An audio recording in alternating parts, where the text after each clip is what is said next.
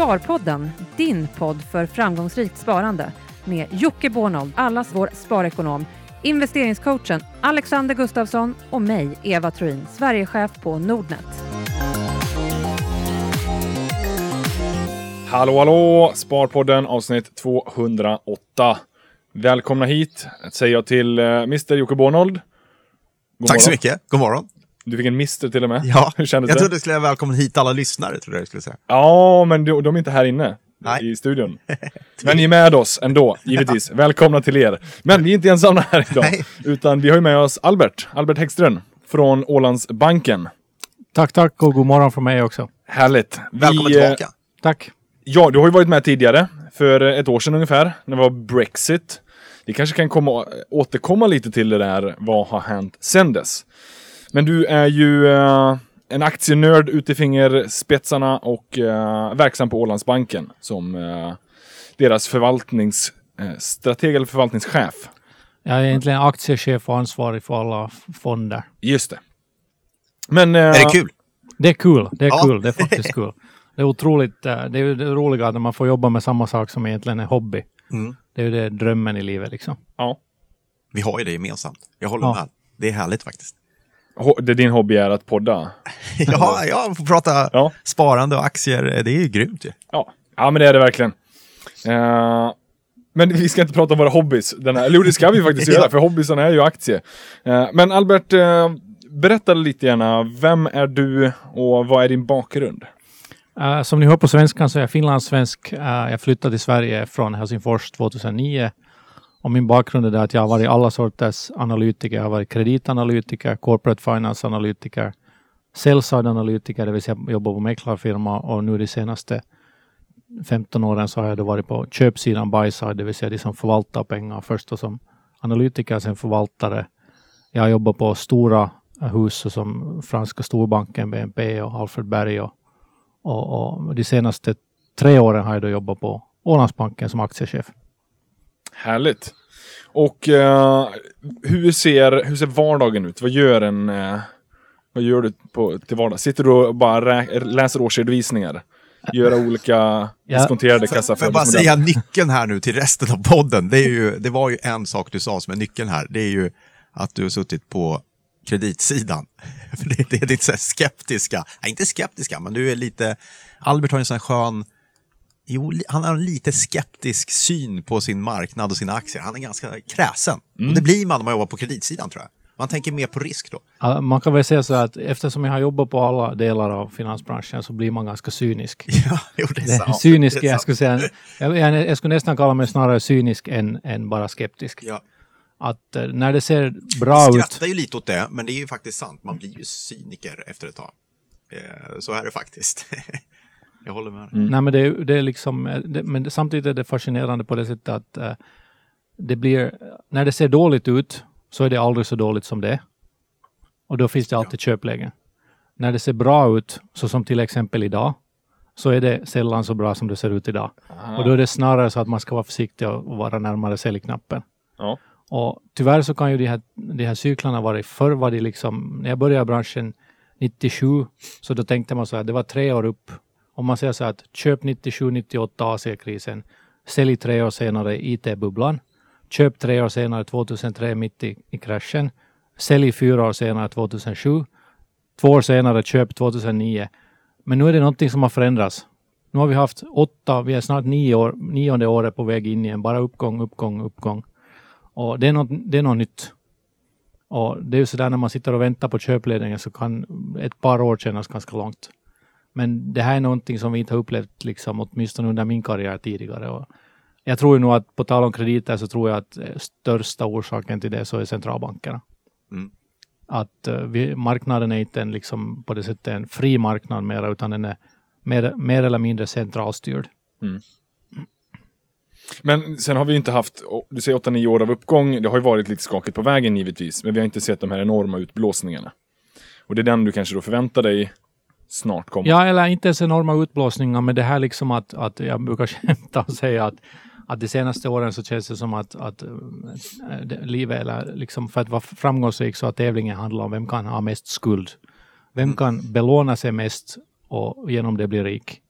Och det där med liksom arbete eller hitta på nya saker, utan det har inte varit lika viktigt, utan mer det här liksom att man belånar sig. Den som har belånat sig mest, så den har blivit rikast. Och det är ingen skillnad om det handlar om bostadsmarknaden eller om det handlar om, om, om aktiemarknaden, var som helst. Att det har inte funnits den där baksidan på myntet, att det kan faktiskt vara lite jobbigt om man har för mycket skuld. Mm. Och, och, och där, där skulle jag säga att så som finne, där man är uppvuxen med att man betalar tillbaka sina bolån också. Så när man flyttar till Sverige och hör det här, vad är bolån, varför ska man betala tillbaka dem? Så att det är bara att lyfta lånet och så blir det bra och så betalar det sig tillbaks. Så det, det var lite, man fick vänja sig i början. Har du, har du vant dig av med det? Ja, tyvärr är det så Ja. att, att det- man brukar säga att det som man lär sig efter 35 så det blir aldrig, det blir aldrig en del av det själv. Det är liksom, Nej, det är sant. Men ser det fortfarande ut så i Finland? Är det en norm att man betalar ner sitt? absolut, Ja. absolut. Det är 20-25-åriga lån som, som, som man har där. Ja. Och det betyder det att om du har ett 20-årigt lån så ska du betala 5% per år. Mm. Äh, här sitter man och säger att räntan är 1,5 procent på mitt lån. Att det är allt jag behöver betala. Mm. Det är en enorm skillnad om du ska betala 1,5 plus 5. Mm. Absolut. Men man pratar ju ofta om de här kreditcyklerna. Det finns både långa och korta kreditcykler. Och nu har vi haft en ganska kraftig tillväxt då av kredit. Vi, vi har mycket lån, vi har låga räntor. Ser vi någon form av avmattning på det här och kommer den här cykeln då att börja dra ihop sig snart? Eh, det, det här är den stora frågan och jag tror ju själv att, jag menar jag var inte med 81 när räntan var över 20 procent och, och, men efter det har ju bara räntorna sjunkit och sjunkit. Och på något sätt känns det som att vår bild är åtminstone det att kreditcykeln har på något sätt svängt. I det fallet att centralbankerna med Fed i spetsen, Fed har nu satt ner foten. Fed har slutat köpa den för ett par år sedan, eh, det vill säga slutat med sin QE och så har de höjt räntan fyra gånger. Och det som är det intressanta så det är det att Fed har varit tydlig i sin, eh, sina utsagor att, att de ska komma och höja räntan fyra gånger fram till slutet av nästa år, det vill säga 2018. Marknaden tror inte på det här. Marknaden diskonterar inte ens en höjning. Så det är en diskrepans på ungefär 80 basis point i, eh, mot vad Fed säger. Och vår bild är ju att räntenivån ska upp med åtminstone då den där 80, 80 basis point, kanske 1 procent de kommande 12 månaderna. Så marknaden ska börja diskontera. Sen har vi då Riksbanken och ECB som fortfarande stretar emot. Mm. Och där är väl eh, på något sätt eh, bästa exemplet på den nya världen är ju Sverige. Alltså svensk tillväxt de senaste tio åren har ju varit som att man tror att det är 70-tal eller 80-tal Mm. liksom, i Finland. Att det bara går, varje dag blir det bättre. Och samtidigt har vi haft negativa räntor. Jag menar reell, reell tillväxt på över 5 procent och så har du en negativ styrränta. Eh, vi brukar prata om sunda förnuftet och det, det har nog ingenting med sunt förnuft i, i vår bok åtminstone att göra. Men ECB är samma sak att, att eh, de vill inte, nu, nu minskar de från 60 till 30 per månad. Mm. Eh, men de ville fortfarande bara säga tydligt att vi, ja, vi ska inte börja höja, vi tar det lugnt och allt det här. Men, Just det. men, men en underlig värld är det som vi lever i. Det känns ju som nästan...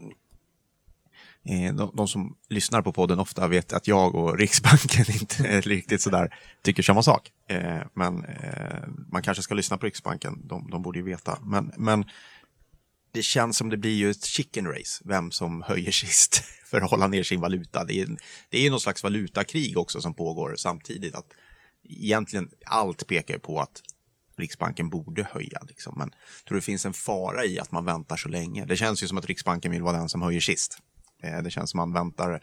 Eh, man har ju inte hakat på USA och man väntar ju ut ECB känns det som. Trots att svenska ekonomin går som tåget. Ja, I Finland brukar man ju skämta och säga att det är två saker som svenskarna är världsmästare på. Det ena är ishockey, det andra är att, att devalvera sin valuta. Och det såg vi vad som hände faktiskt under finanskrisen, att när den smäll, smällde till så det blev stor, mycket problem i Finland när kronan föll så där kraftigt mot euron. Att det gick från var det 9 till över 11 just Och det. är klart att det stod ju stora bolag som hade stora Enso eller andra som bara var båda ställena eller om man jämförde ångpannan mot Jakob Öri. Det är ju en enorm skillnad om du får en 20 procents eh, fördel av, av, av valutan. Men jag skulle säga att, att eh, Riks, Riksbanken är väl, följer väl Europeiska centralbanken ganska långt, men, men, men eh, jag tycker ändå att det är fascinerande det här liksom att, att man har tillåtit centralbankerna att få en så här stor, ett så här stort inflytande. Mm. Och skillnaden är också det att i USA så hade, hade liksom på något sätt ändå det här check and balances funkar bättre. Ja. Därför att de gick aldrig till negativ ränta. Mm. De stannade vid noll. Och det gick aldrig till negativ ränta. Mm. Och, och, och det är ju en orsak varför vi också tycker att om man till exempel tittar om eh, bankaktier så säger vi, brukar vi säga så här att idag ska man köpa bankaktier om man vill äga bankaktier så ska man köpa dem i USA. Därför att du har ett system som är stabilare. Du har en balansräkning som är mycket mindre. Bankernas balansräkning i USA är runt en gånger BNP medan de är kanske tre och en halv gånger BNP i Europa, ungefär samma i Norden. Kanske lite större till och med. Mm. Och vi har negativa räntor i Europa och Norden. Vi har det inte i USA, de har redan börjat höja. Värderingen är ungefär detsamma. Soliditeten är de facto högre i de amerikanska bankerna än i, än i de nordiska och eh, europeiska. Och där har de faktiskt clearat upp hela det här. Eh, Efter finanskrisen så, krisen så tog de, den där, tog de de smällarna i USA. Men det har man inte gjort i Europa. Eh, Så att eh, De lärde sig en läxa där. de lärde sin läxa, de, de städade undan så att säga. Här har man bara skjutit det framför sig eller göm, gömt under mattan. Mm. Mm. Den där mattan blir rätt obehaglig att gå på till slut. När man har gömt nog mycket grejer under Ja. den. Eh, vad tror du kommer hända? Vad tror du? Scenariot är väl ändå att det vänder nu? Att den här perioden av tio år med eh, ganska kraftigt, kanske man kan säga, reglerad finansmarknad via Riksbanken och Riksbankerna eller centralbankerna. Men nu ska det här, vi pratar om the great unwinding, att man ska tillbaks till ett normalläge och Kommer det, kommer det vara smärtfritt? Det var en ledande fråga. Ja, men- Nej, men vad tror du? Ja, och, och framförallt kanske hur kommer det påverka akemarknaden? För om vi tar USA så har vi haft en urstark aktiemarknad samtidigt som Fed har börjat höja räntan. Vi har, ju, vi har räknat på det här på samma sätt som alla andra och man kan ju säga att om, om man tittar på tillväxt, om man summerar ECBs och Feds balansräkning så pikar den i april i år, tillväxten. Men det intressanta är det att i absoluta termer så kommer den att pika i april nästa år. Det vill säga då kommer den summerade balansräkningen hos Fed och ECB att börja bli mindre. Eh, Fed har ju sagt, de har ju börjat sälja det, så de säljer 10 miljarder per månad eller låter förfalla. 10 miljarder per månad i Q4. Sen blir det 20 miljarder i Q1, 30 i Q2 och så vidare. Och sen i slutet av året så når vi den 50 miljarder per månad. ECB har samtidigt gått från 60 miljarder nu till 30 miljarder går det vid årsskiftet. Mm, så i mitten av nästa år eller april nästa år så kommer det bli en situation där det inte i absoluta termer ökar mera. Och sen finns det en stor diskussion kring stocken versus flow, stock versus flow. Och jag är väl lite simpel på det sättet. Jag tycker ändå att, att det är sådär som ett återköp på börsen. Att så länge bolagen återköper egna aktier så finns det en naturlig köpare. Sen när de slutar återköpa egna aktier så brukar det påverka kurserna negativa. För då finns det inte den naturliga köparen.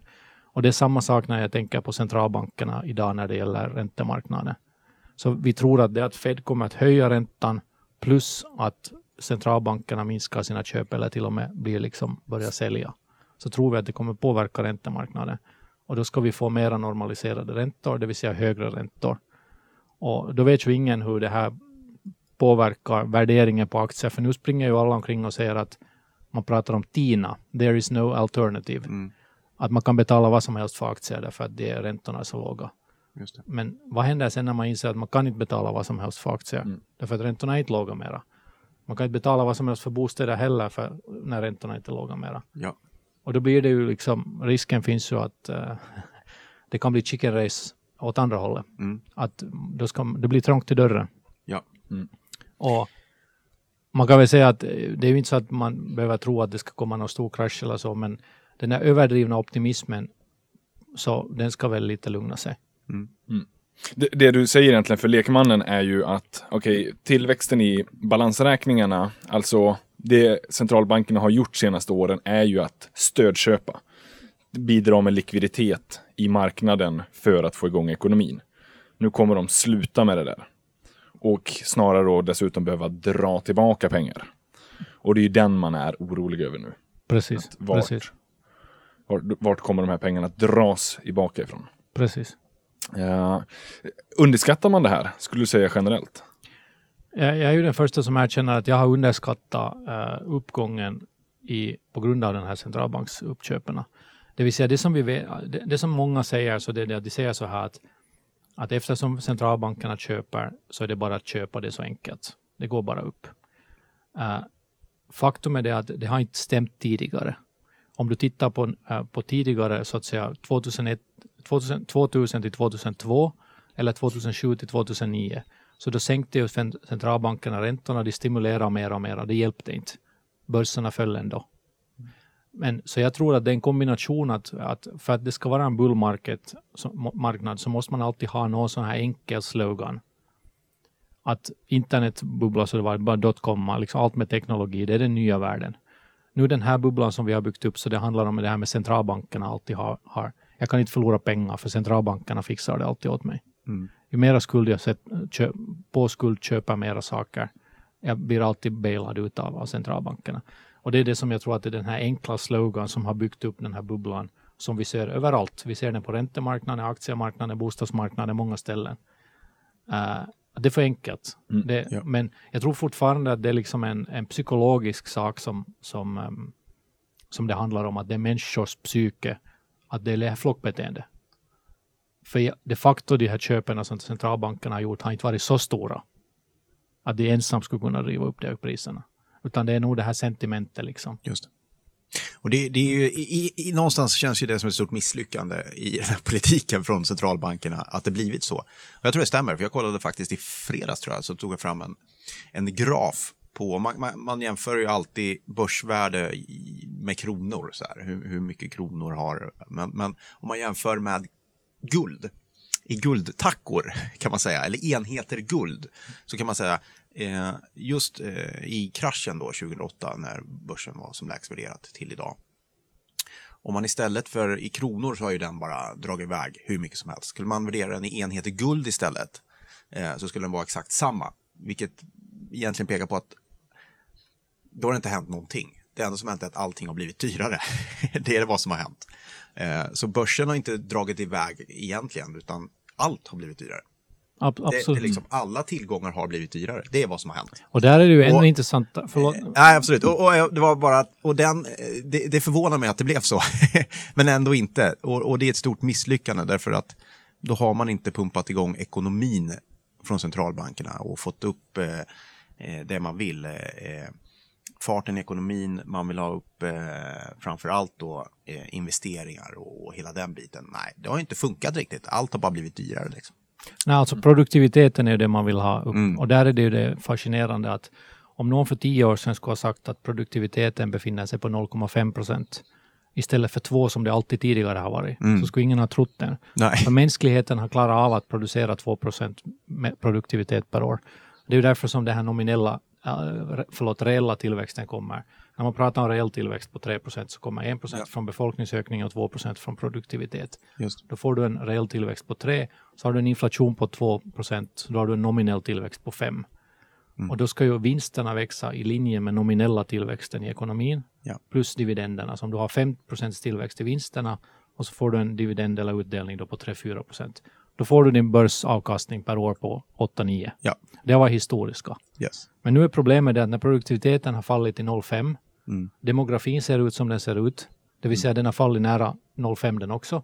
Så då har du egentligen en underliggande tillväxt reella termer på 1% istället för 3 som tidigare. Och så har vi dessutom ingen inflation. Nej. Så den nominella tillväxten globalt har tagits ner massor.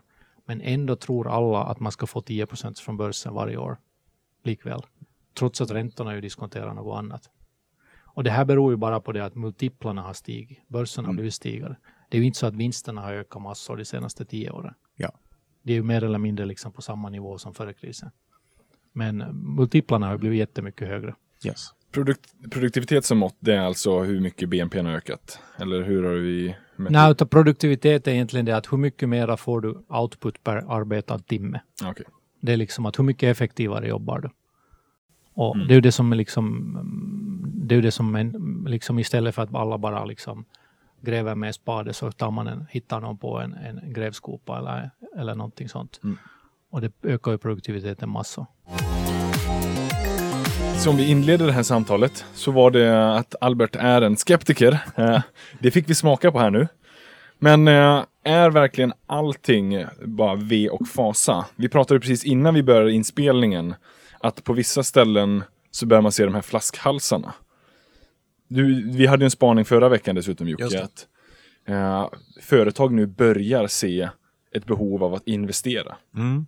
Skulle inte det kunna vara eh, ett litet solsken i hela den här eh, tragedin, om man så vill?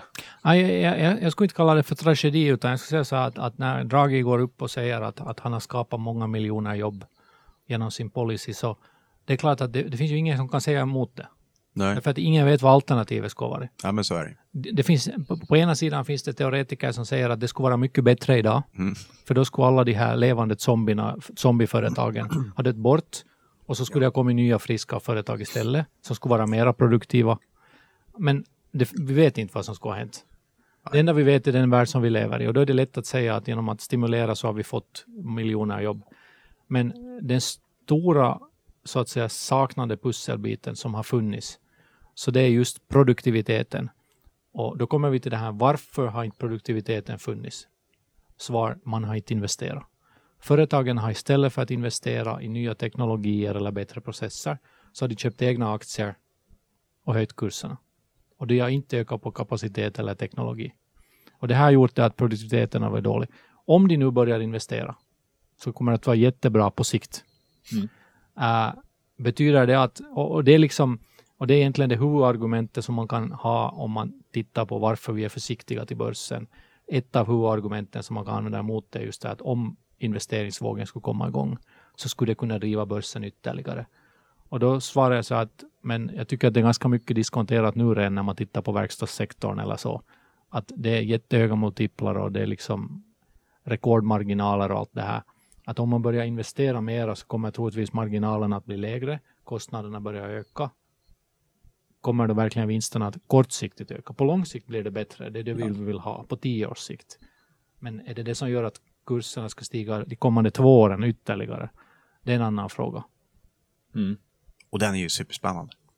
ja, jo, men det är det. Men det är ju, ja, som sagt, det är, hur, är, är det det som skulle få dig att bli då mer aggressiv mot aktier? Eller är din inställning att vi kommer nog snart se den här sättningen för att sen på lång sikt då bygga hållbar vinsttillväxt? Det som jag tycker är intressant när jag tittar på oktober som har varit en otroligt underlig månad på börsen på det sättet att börsen i- som helhet har inte rört sig hemskt mycket, lite uppåt. Ja. Men rörelserna i enskilda aktier har varit enorm. Ja. Liksom storbolagsaktier har rört sig 10, 15, 20 procent både uppåt och neråt. Och det är en sån här som jag skulle säga att, att när jag tittar under ytan så ser det inte så bra ut. Och det är samma sak när man tittar under ytan vad som händer i den politiska världen. Är det verkligen, har det verkligen blivit bättre de senaste tre åren i politiken i världen? Är det därför vi ska ha högre multiplar? Min, min argumentation är att nej. Det har blivit mera protektionism, mera nationalism. Mm. Eh, förut fanns det två stora partier i centrum. Det fanns Socialdemokraterna och Moderaterna. Nu finns det extrema partier som har blivit stora på vardera sidan. Det är ingen skillnad. Nu fick vi Tyskland som senaste land där också. Det var enkelt för Merkel att, att regera tidigare. Nu har man plötsligt ett nytt parti och en helt annan koalition Mm. som man måste fundera på. Det har inte blivit lättare liksom. Eh, så att eh, jag skulle säga som så att när jag tittar på världen, det som skulle få mig att bli mera positiv på börsen, det är gan- ganska enkelt. Lägre priser. Mm. För vi har ju vår filosofi som vi säger att vi vill köpa billigt och sälja dyrt. Det låter banalt, men det är fruktansvärt svårt. Jag har varit i branschen i 20 år och jag måste säga att det är fruktansvärt svårt att nu gå ut och säga att om ni tar, tittar på börsen och så tittar ni på de bolag som har fallit 20, 30, 40 procent det här året. Mm. Eller det senaste året. Ja. Hur känns det att köpa de där aktierna? Om ni tar aktier som, som vi har stora bolag som H&M eller vi har teknologibolag som Fingerprint eller vad som helst, allt däremellan. Alla bolag vars aktier nu har fallit, så kortsiktigt finns det en orsak till det. Man, man pratar om att det ser sämre ut och det ser sämre ut och det ser sämre ut. Mm. Vet vi hur det ser ut om fem år? Nej. Tvärtom, de aktier som har stigit massor, ser det verkligen så bra ut om fem år? Jag minns äh, Jocke när vi stod på äh, Nordnet Live februari det. 2016, det vill säga för ett och ett halvt år sedan. Mm. Och före mig var Fingerprints VD på scen. Då stod den kursen i 100 och det såg otroligt bra ut. Mm. Och då pratade jag om att Volvo-aktien kändes billig. Och, och den var på 70 kronor. Då var alla rädda för lägre tillväxt eller lägre efterfrågan i USA och amerikansk BNP såg inte så bra ut. Och Volvo hade inte så bra marginaler och man var orolig för det ena och det andra. Och då sa jag att den kan stå kanske 120-130 om några år. Nu står den 170 och den andra aktien har fallit från 100 till, till 20. Mm. Men när man köper en aktie så kan man säga att en, när du köper en aktie så ska du ha en investeringshorisont som diskonterar kommande kassaflöden. Den borde vara 20-30 år för att kunna köpa en aktie som avkastar 4-5 procent per år. I. Vad är det som har hänt som med säkerhet vi vet när det gäller Volvo 2035 eller Fingerprint 2035 som har gjort att den ena har gått upp med 130 procent och den andra har gått ner med 80 under det här en och en halv året. Och det är det här som gör att, att vi, vi, vi säger att vi är inte bättre att förutspå framtiden, vi är duktiga på teknologi. Men det är ganska, vi försöker hålla det sunt förnuft, simpelt. Om någonting kostar P10 eller P12, då köper man, fast det ser lite sämre ut just då. Och när någonting kostar 25 eller 27, så då ska man vara försiktig. För då ser det för bra då, då är det troligtvis ser det för bra ut. Och så kommer det disappointments. Uh, jag menar H&M för ett och ett halvt år sedan stod i 370. Nu är alla, och då var ingen orolig för någonting. Nu är alla oroliga för både det ena och det andra. Uh, det här är inte några rekommendationer till någon men att göra någonting i de här aktierna, men, att, men att bara som en observation. Och det är det som är vår filosofi, att köpa billigt, sälja dyrt. Våga köpa när det är jobbigt. Ja. Det känns aldrig bra att köpa en billig aktie. Därför att då, då har det ofta något struktur, liksom, det är några frågeställningar i bolaget. Det är lätt att köpa en aktie när den har gått upp massor och bolaget allt ser bra ut. Men om du ska få en bra avkastning så är det ofta det förra som är bättre. Mm. Sunt förnuft låter väldigt mycket som också. Sunt förnuft, ja. Mm. ja. Men nu har vi ju haft en eh, rapportperiod, jag håller med dig, det blev precis som faktiskt förra kvartalsrapporten så enskilda bolag svänger enormt hårt. Sådär. Men finns det några branscher som du känner att här eh, börjar se intressant ut eller är det någon som har, har du någon sån här? Ja, vi, ty, vi har ju tyckt om, om, vi har egentligen haft två branscher som vi har gillat. Det ena är en europeiska bilarna. Mm. Och här är en tidigare i, i, i somras. P-talen är under 10. Äh, kommer, kommer Tesla att ta över hela världen? Jag tror inte. Nej. Jag tror att, att uh, europeiska stora tyska bilmärken kommer att klara av att göra bilar i framtiden också. Sen kan man ju fråga att hur mycket bilar används det och vem använder det? Ska alla äga en bil eller kan man göra det effektivare? En annan sak. Men, men de har nu ändå hållit på med det i hundra år. Får man dem på P 7, 8, 9, 10 så är det just en sån här att alla aktier har 100 procent nedsida. Ja. Men jag brukar skämta och säga att, att historisk avkastning, om den är positiv, är alltid bort från kommande avkastning. Mm. Compliance säger ju något annat. Mm. men faktum är det att en aktiekurs som har gått upp så det är bort från kommande avkastning. Mm. Och det, det, det, ska man komma ihåg. Så att det är en sektor som vi gillar. Sen måste jag säga att vi har gillat nordiska operatörer. Mm. Och det är också sådant att, att um, uh, man kommer ihåg hur det var när det gjordes stor listning i, i, i Sverige år 2000 och man stod och köade på gatan för att köpa den stora fina operatorn. Ja. 17 år senare har man negativ avkastning, Mm. inkluderat utdelningarna. Och det är, samma, det är liksom norska, eller svenska eller finska operatörer, så de är liksom förmånligt värderade. Mm. Men det är ju inte så att man blir jätte äh, håsad på att det ser så fantastisk tillväxt eller att storyn Just är så het. Nej, men är, det just för att de är så ned, nedprissatta? Som Ja, I förhållande till allt annat. Ja, okej. du, du kan lätt räkna hem en, en, en, liksom en, en vettig cashflow på dem. Ja. Och, och de har en, liksom en skuldsättning som är helt okej. Och, Mm. och du, du kan liksom... Så att du kan få en avkastning som är positiv och helt vettig från de där aktierna de kommande åren, tror vi. Någon bransch som du tycker känns eh, alldeles för dyr? Och vi har ju varit, redan lite tidigare så, så, så har vi varit försiktiga till verkstadssektorn. Mm.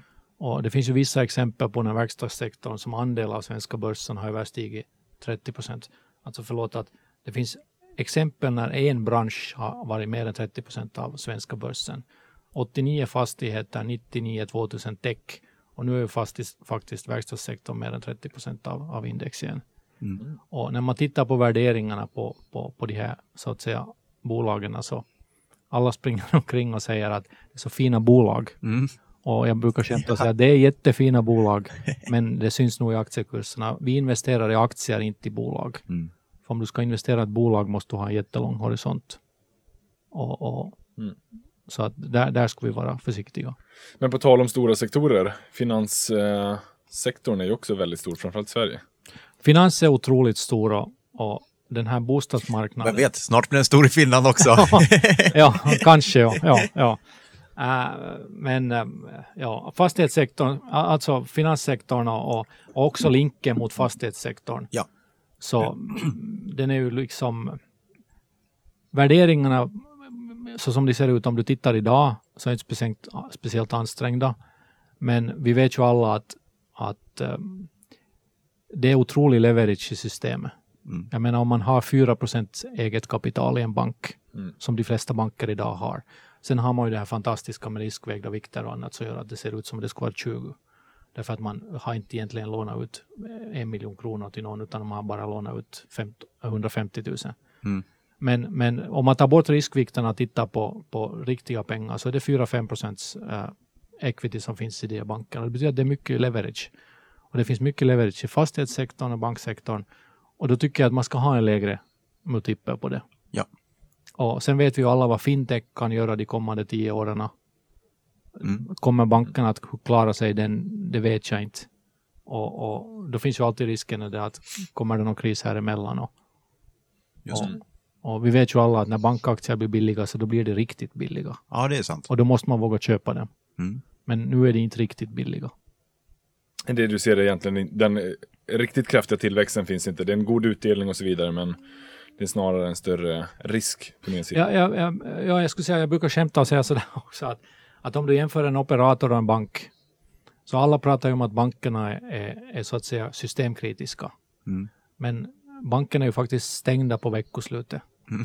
Men tänk om man skulle stänga operatörerna eller äh, typ elbolag som Fortum eller andra, om man skulle stänga dem på veckoslutet. Mm. ja, det är systemkritiskt. Ja. Det, är på, ett annat, ja. det är på ett annat sätt systemkritiskt. Ja. Att, eh, jag tror att banksektorn kommer nog att förändras massor de kommande tio åren och ingen vet riktigt hur. Ja, det tror jag också. Absolut. Det är jag ganska övertygad om faktiskt. Och, sen och det är vi, ganska spännande i Ja, om, om vi nu också har någon form av eh, ett slut på en kreditcykel, då kommer ju det givetvis också drabba bankerna. Ja, absolut. Jag tror att kreditförlusterna, jag menar om man talar bostadspriser i Sverige, så jag tror att steget till kreditförluster med det system som vi har, att man är personligen ansvarig för sitt lån. Man kan inte gå eh, lämna nyckeln på bordet så som i USA. I Sverige är man ansvarig ja. för sitt lån. Uh, så tror jag att steget till kreditförluster är jättelångt. Men det är klart att det finns en sannolikhet för det också. Mm. Uh, om arbetslösen stick, sticker iväg och så vidare. Men, men eh, det är ju inte det som styr de aktiekurserna. En bankaktie kan ju komma ner 50 procent fast det inte finns några kreditförluster. Det är, liksom, det är ju inte så att bostadsutvecklarnas aktier nu till exempel, det är ju inte så att rapporterna har varit så dåliga. Nej. Men aktierna har kommit med massor ja. mm. på någon form av förväntan om sämre framtid. Mm. Just det. Ja, de har börjat falla redan sedan i vår. Precis, mm. precis. Och en del mera och andra mindre. Mm. Men vad, vad är din eh, tanke kring bostadsmarknaden, framförallt svenska? Med tanke på läget vi ser på de här bostadsutvecklarna. Alltså, jag, jag, jag har sagt det många gånger så här att på något sätt så får jag det inte riktigt in i min världsbild det här att om man, om man är typ professor på eh, Tekniska högskolan och så börjar man fundera att hur länge tar det med din lön att jobba ihop till en kvadratmeter i Vasastan? Mm. På riktigt betala den. Så då är det så att då inser man att man kan under hela sin karriär tjäna ihop kanske en, en, en, en etta eller högst en tvåa. Och då är man ganska liksom, man har ju gått lång, länge i skolan, man är mm. duktig och så vidare. Och, och, eller läkare eller liksom vad som helst. Och på något sätt är det så där att om de där människa, samma människa istället för att vara professor på KTH eller vara läkare skulle använda hela sitt liv till att bygga en bostad. Mm. Så tror jag att den skulle få ihop mer än en, en etta eller två i Vasastan. Mm. Ja, verkligen. Och då är det fråga om att prisbilden är rätt. Det här att alla ska bo inne i centrum. Vi, vi, man har ju pratat om att, eh, att eh, teknologin möjliggör, vi börjar få videosamtal och allt möjligt annat. Varför ska alla bo på varandra i, i centrum? Att det är en trend som alltid kommer att hålla i sig. Mm.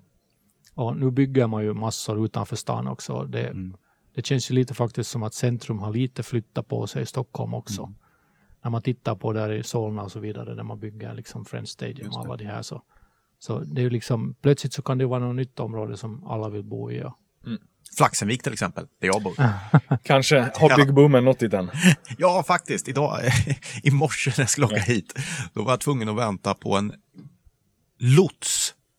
Det är en trafikskylt jag aldrig Ja. sett förut. Men eh, de hade visst grävt upp hela vägen, så man fick vänta på en bil som kom och så fick man åka i karavan efter honom. Eh, Jag bor på landet. Eh, Det är... eh, Det är inte bara att de har börjat, nu börjat dra bredband dit ut. Inte det då? Jo, det har vi gjort också faktiskt. Ja, det är så. Eh, nej, jag har haft fiber ett tag, men eh, vi har utvidgat fiber till hela Flaxenvik nu. Det är stort för oss. Men vad- tycker ni själva när, liksom, när man läser i tidningen om att det största byggprojektet i, i Europa finns nu utanför Stockholm? Ja, jag blev lite chockad över det. Jag vi, eh, visste att det var stort, men, men inte att det var Europas största. Men, eh, ja, vad ska man tycka om bostadsmarknaden? Jag tror gärna, vi pratade lite om det förut också, folk behöver bo någonstans, så är det ju förstås. Men jag tror inte på den här jättebubblan som ska spricka, det tror jag inte på. Men jag tror ju att vissa delar av fastighetsmarknaden och även bomarknaden eh, kommer nog få sig en rejäl smäll. Det tror jag. Framförallt är det för att vi bygger ju bara dyra bostäder. Det är någonting som slår mig överallt var man kommer. Eh, så, så byggs det så byggs det dyrt. Det byggs för eh, de som har råd helt enkelt. Och det, jag tror inte det där behovet är. Vi behöver bostäder för människor som eh, flyttar in hit. Eh, alla som har kommit med den här eh, flyktingvågen som vi har haft. Var ska de bo? Ja, de köper ju inte en lägenhet av Oscar Properties. Det är ju inte så sannolikt. Liksom. Eh, Så det känns som vi bygger fel och då är det så här man kan flytta hela det ser man inte heller att alla flyttar upp ett hack i, i bostandard utan eh, nej, vi, vi, där kommer det bli knepigt och då kanske vi helt plötsligt börjar inse att vem ska bygga hyresrätter då som är vettiga att bo i som folk har råd att bo i? Eh, det är en helt annan fråga och då kanske vi kommer tillbaks till eh, ska kommunerna göra det? för det är för att tvinga dem att börja bygga och så vidare. Och då har vi en eh, allmännyttan och så. här. Det, det, det här är ju bostadspolitik, men till slut kommer vi hamna till den frågan och lösa den. Och då kanske vi har väldigt många jättefina lägenheter som efterfrågan inte blir riktigt så stor som man trodde kanske. Men jag tycker att det är intressant för det där har ju också med aktiemarknaden att göra på det sättet att varför, byggs, varför säljs det lyxvaror, massor med lyxvaror idag, oberoende om det är parfymer eller om det är väskor eller all, liksom väskor som kostar 10 000 kronor. Eller om det är sportbilar som, liksom varför produceras det sånt nu? Därför att marginalerna är störst där. Mm. Så är det ju. Men att bygga, att göra billiga väskor eller, eller billiga boende, marginalerna är mycket, mycket lägre. Så är det. Så om samma företag ska göra bostäder för, som kostar en tredjedel eller en fjärdedel, Det så blir då inte kommer intressant. marginalerna att komma ner massor. Ja. Och då är det klart att vad händer med aktiekurserna? Och, Ja. eh, liksom, och det är det här liksom generellt när man tittar på börsen idag, om det, om, oberoende om det är Big Pharma i USA, deras marginaler, eller om det är banksektorn och den marginalen, eller var som helst. Marginalerna är rekordhöga nu, mer eller mindre överallt, aggregerat. Mm. Och vi brukar titta på en sån här mätare som eh, vinstmarginal i förhållande till hela ekonomin. Och förr i världen så trodde man att, att det skulle vara mellan ska vi säga 4 och 6 procent. Efter att Kina kom med i WTO så har den tickat upp, så nu är det 9-10 procent av, av, av vinsternas andel av ekonomin. Och vi tror inte att det är hållbart i längden. Det, vill säga, det kan inte vara så att man producerar någonting billigt i Kina och så säljer man det för ett högt pris till en skuldsatt konsument i västvärlden. Nej. En dålig affärsidé i längden. I, I långa loppet, det kan vara kortsiktigt så kan det Ja. vara bra, men i, någon, i något skede så måste någon betala för det. Mm.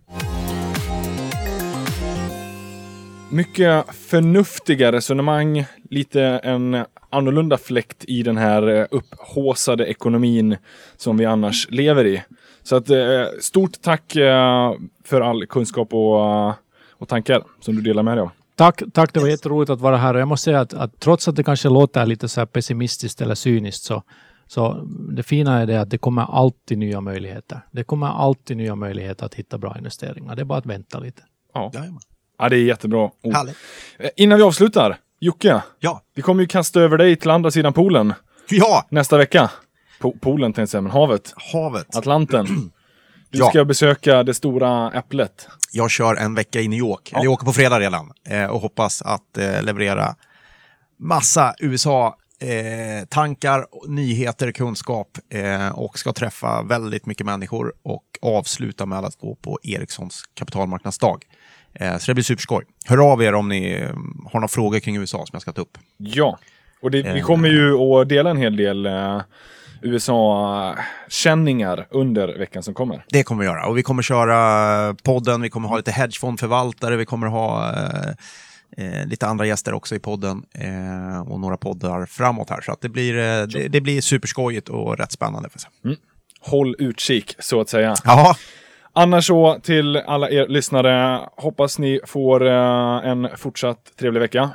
Bra avkastning i portföljen och eh, att vi inte får några större bostadsbubbelkriser här inom en snar framtid. Den här veckan i alla fall. ha det gott alla. Ja, ha det underbart. Vi hörs igen nästa vecka.